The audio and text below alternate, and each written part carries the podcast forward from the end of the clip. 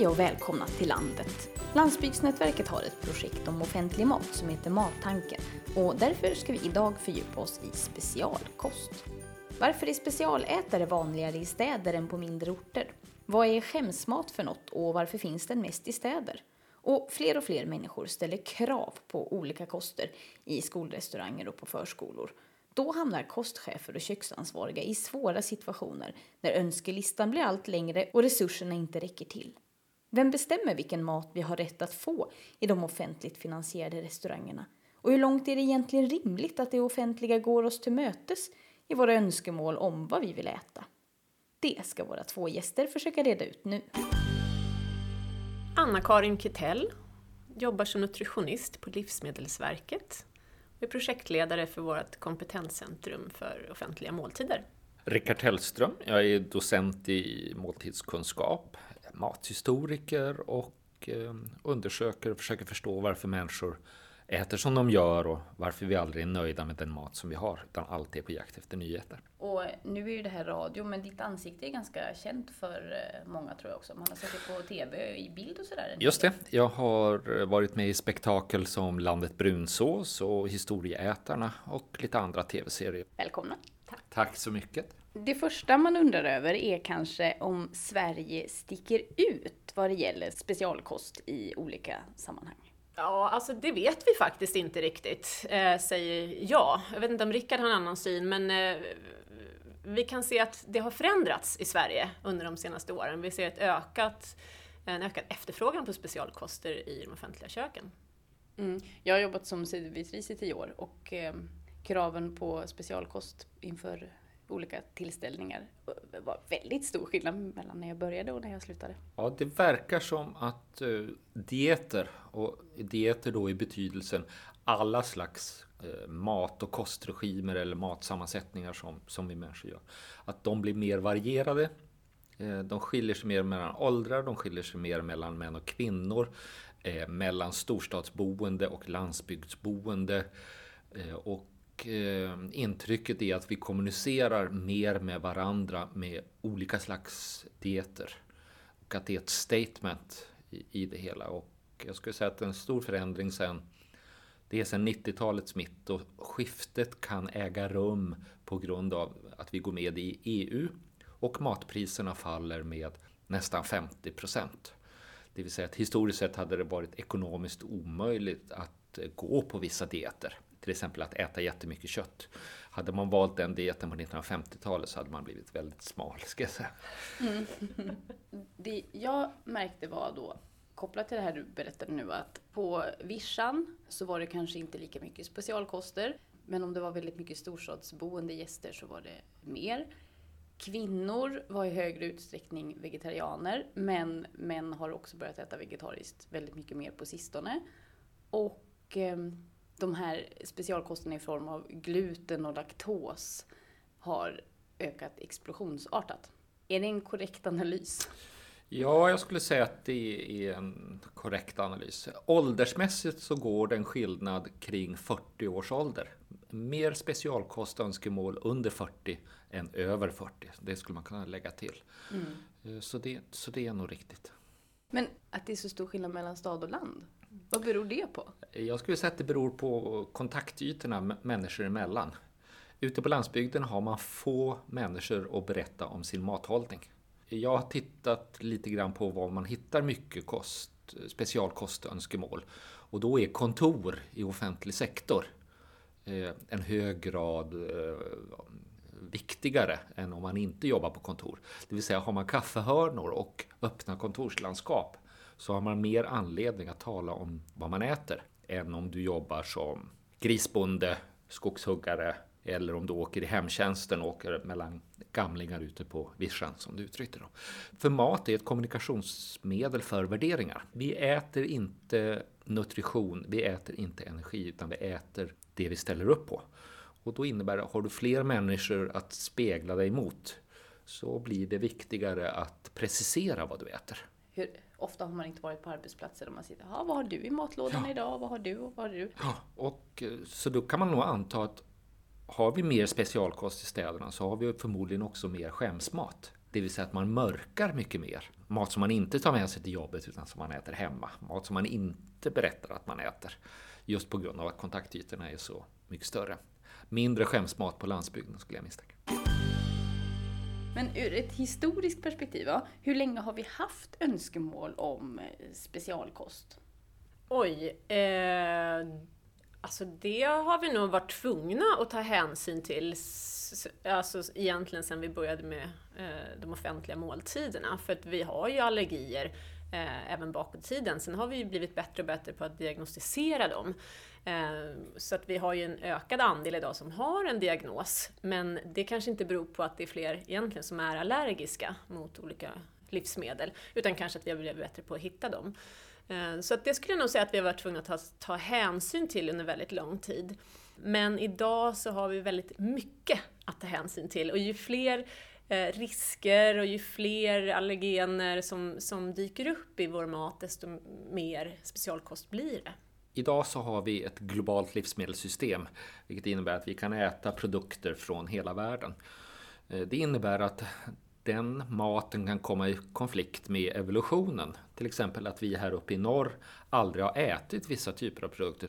Före 1960-talets mitt så var ingen i Sverige allergisk mot kiwi mm på grund av att det fanns ingen kiwi i affärerna. Men i och med att vi har ett globalt livsmedelssystem och där då köken börjar kombinera mat från Australien, Asien, Sydamerika och så vidare så blir det plötsligt att det funkar inte med den evolutionära utveckling som vi har haft i det här området. Mm. Så att eh, man kan säga det att vill man minska specialkosten, eh, specialkostbeställningar, gå över då till äldre svensk eh, mat. Mm. Servera mer havregrynsgröt till exempel inte salladsbord. Och det, vi har då eh, det bröd som vi har ätit, vi har de köttslag vi har ätit, vi har de råvor vi har ätit. Vi har... Potatis och kålrötter är det inte så många som är allergiska mot. Nej, och då, då är det också på grund av evolutionen då så har de som har kunnat klara sig på den kosten är de som har överlevt. Anledningen till att vi sitter här i rummet då är på grund av våra förfäder fixade det.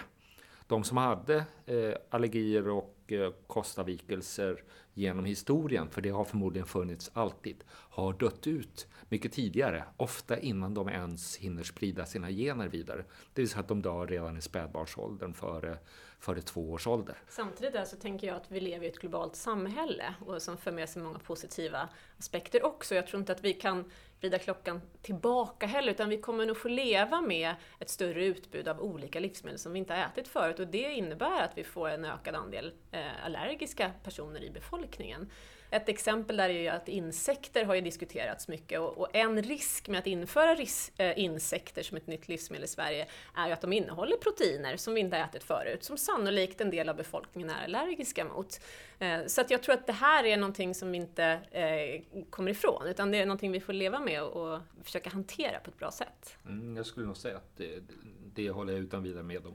Att vi ska se allergier som något normalt specialkost är något normalt. Kanske ska vi utrangera ordet normalkost.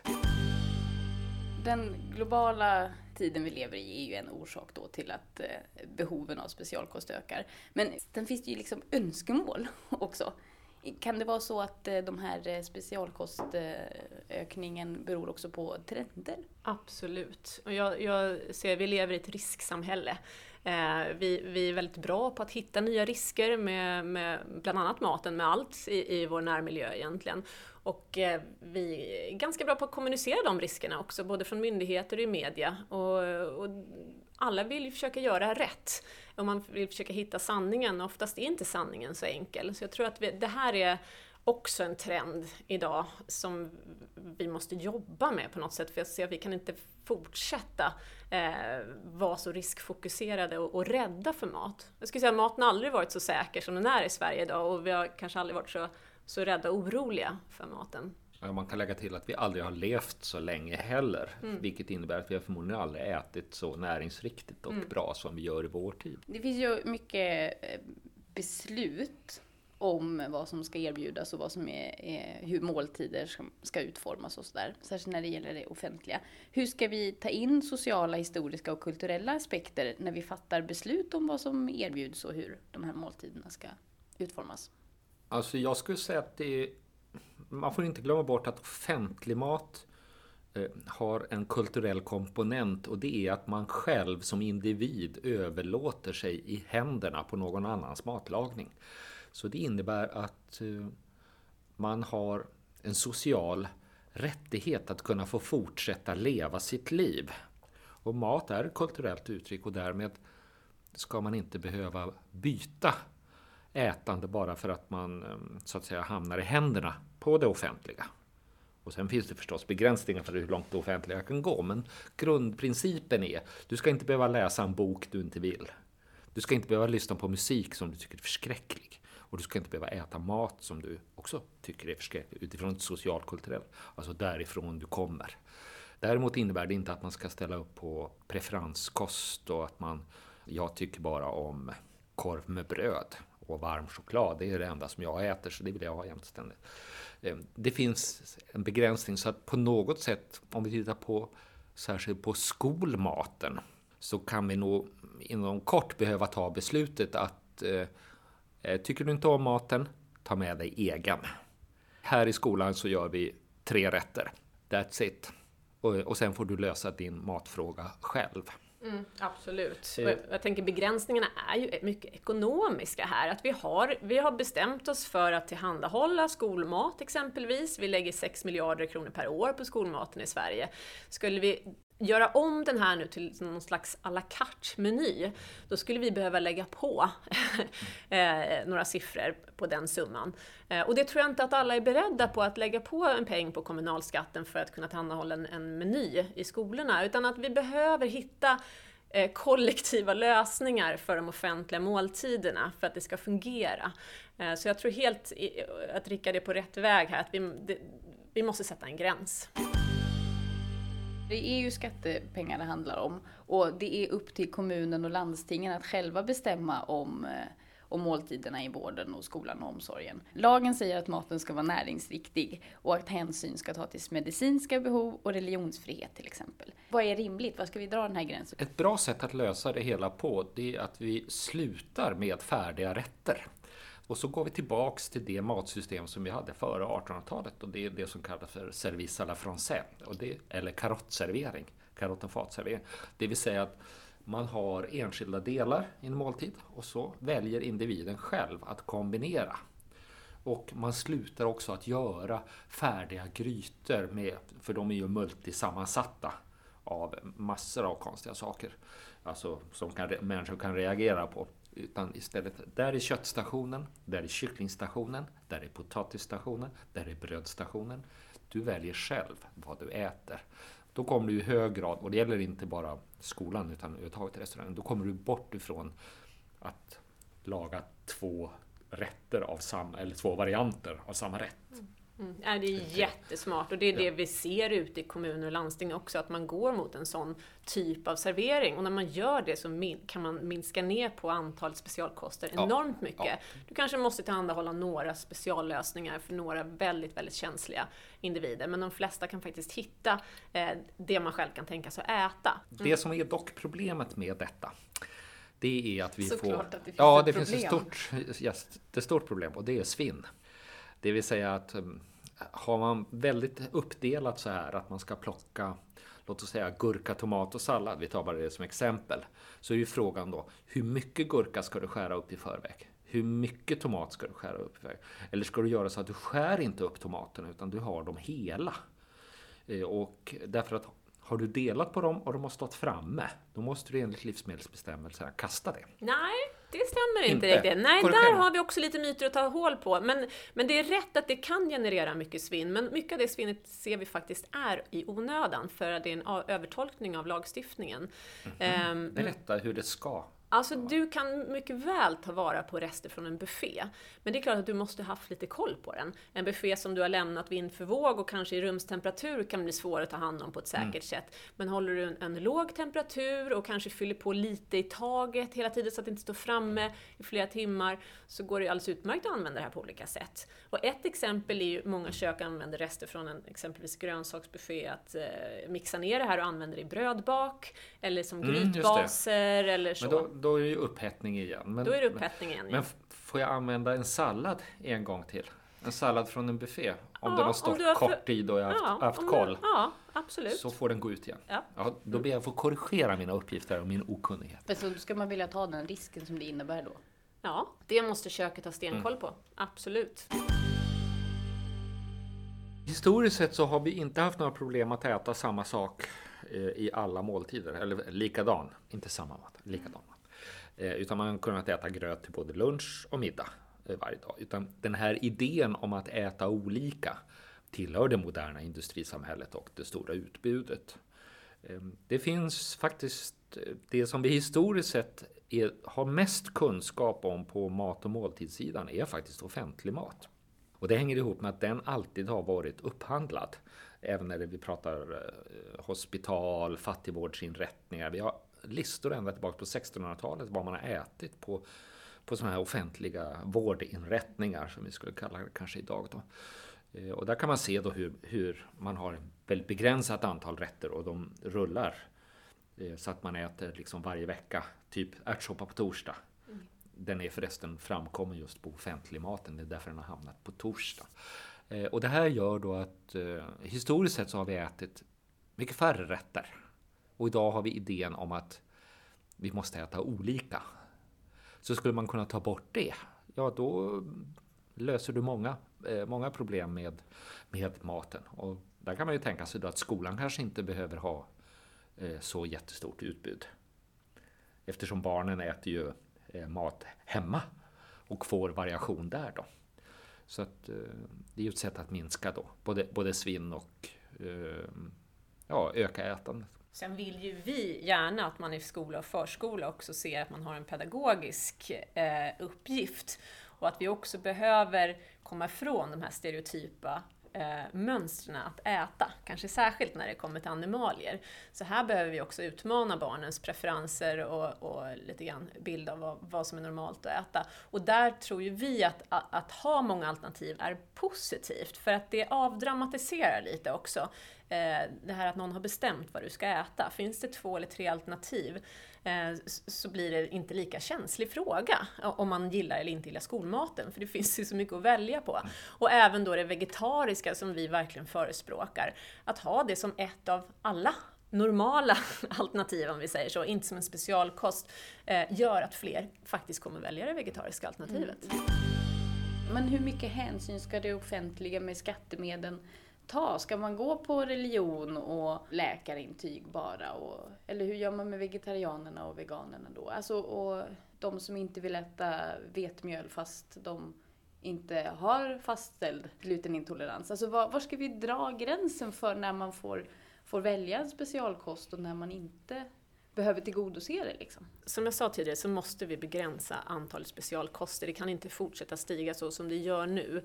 Utan vi måste dra en gräns. Jag tror det är jätteviktigt att kommuner och landsting gör det.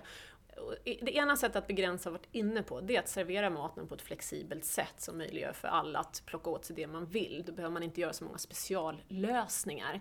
Det andra sättet är att börja i andra ändan och att faktiskt ta in läkarintyg eller journalutdrag eller att det ligger någon slags medicinsk bedömning till grund för den specialkost man, man tillhandahåller. Det är ju också ur ett barnperspektiv väldigt viktigt att, att, att det blir utrett. Om man nu är känslig mot gluten, att man får den här celiakin utredd. Den, det, det tycker både vi och Socialstyrelsen är viktigt, att barnen får en sån utredning. Sen har vi eh, de andra diagnoserna som vi har idag eh, med olika neuropsykiatriska diagnoser. Eh, ADHD och, och eh, olika autismspektrumtillstånd. Och där saknar vi idag tillräcklig vetenskap för att ge nationella riktlinjer eller råd vad de här barnen, hur man kan kostbehandla ett sådant tillstånd. Det finns forskning, men det finns för lite eh, för att vi ska kunna uttala oss om specifika koster. Vad vi däremot vet, det är ju att de behöver en anpassad miljö. Eh, med mycket mindre sinnesintryck, att en lugnare miljö ofta, ibland kanske färre valmöjligheter och kanske också en enklare meny. Då är det ju inte bra om man åt andra hållet går åt mer valmöjligheter och sådär. Det kan vara ett problem där. Mm. Så, så det här tror jag, idag har vi inget stöd till skolor kring de här frågorna. Och det här är ju någonting som inte Livsmedelsverket kan ge själva heller, för vi, har, vi besitter inte den kompetensen i eh, de här, den här typen av diagnoser, utan det här är någonting som vi behöver jobba med de andra skolmyndigheterna, men även Socialstyrelsen. Och jag tror att vi på sikt kommer behöva ha någon typ kunskapsstöd att luta oss mot i de här frågorna. Mm, men vi kommer ju alltid också ha den här argumenteringen om, alltså om jag inte vill äta vetemjöl eller mm. jag vill inte äta gluten mm. och jag vill inte äta kött. Varför ska man dra gränsen till exempel att ja men du får vara vegetarian men du får inte mm. välja bort Ja men jag skulle säga att det är inte... det, ekonomin i det offentliga. Att vi, det, ledsen, men på din fritid kan du välja vad du vill. Men här, det här är det som vi serverar, att man begränsar eh, i de offentliga köken. Men som sagt, kanske har en buffé, så det kanske finns glutenfria alternativ där som de här personerna kan ta. Det behöver inte bli en stor fråga egentligen om man serverar det på ett flexibelt sätt. Ni är tillbaka i skolmatsalen och den här gången får ni välja vad som ska serveras. Vad ligger på din tallrik? Wow! Eh, självklart blir det någon eh, gryta med kikärtor ser jag framför mig. Eh, med ganska mycket kryddor. Lite svenskodlad quinoa. Eh, och någon god salladsbuffé. Ja, jag skulle säga att det, där finns det nybakat bröd. Inte nödvändigtvis som kommer från skolans kök, utan från alla pizzerior som finns i alla städer över hela landet. Som står där med sina varma ugnar hela tiden, som de inte bakar bröd i. Och jag menar äta en, en gryta med bröd till är ett mycket bra lunchalternativ och brödet kan fyllas med eh, allt vad man kan tänkas. Eh, the sky is the limit. Och vi är en brödätarkultur så det uppfyller också tradition och gemenskap. Tack så mycket för att ni kom till landet. Tack så mycket. Tack. Du har lyssnat på årets första avsnitt av Landet och jag heter Ida Lindhagen. Vill du veta mer om projektet Mattanken så gå in på mattanken.se. Vi hörs!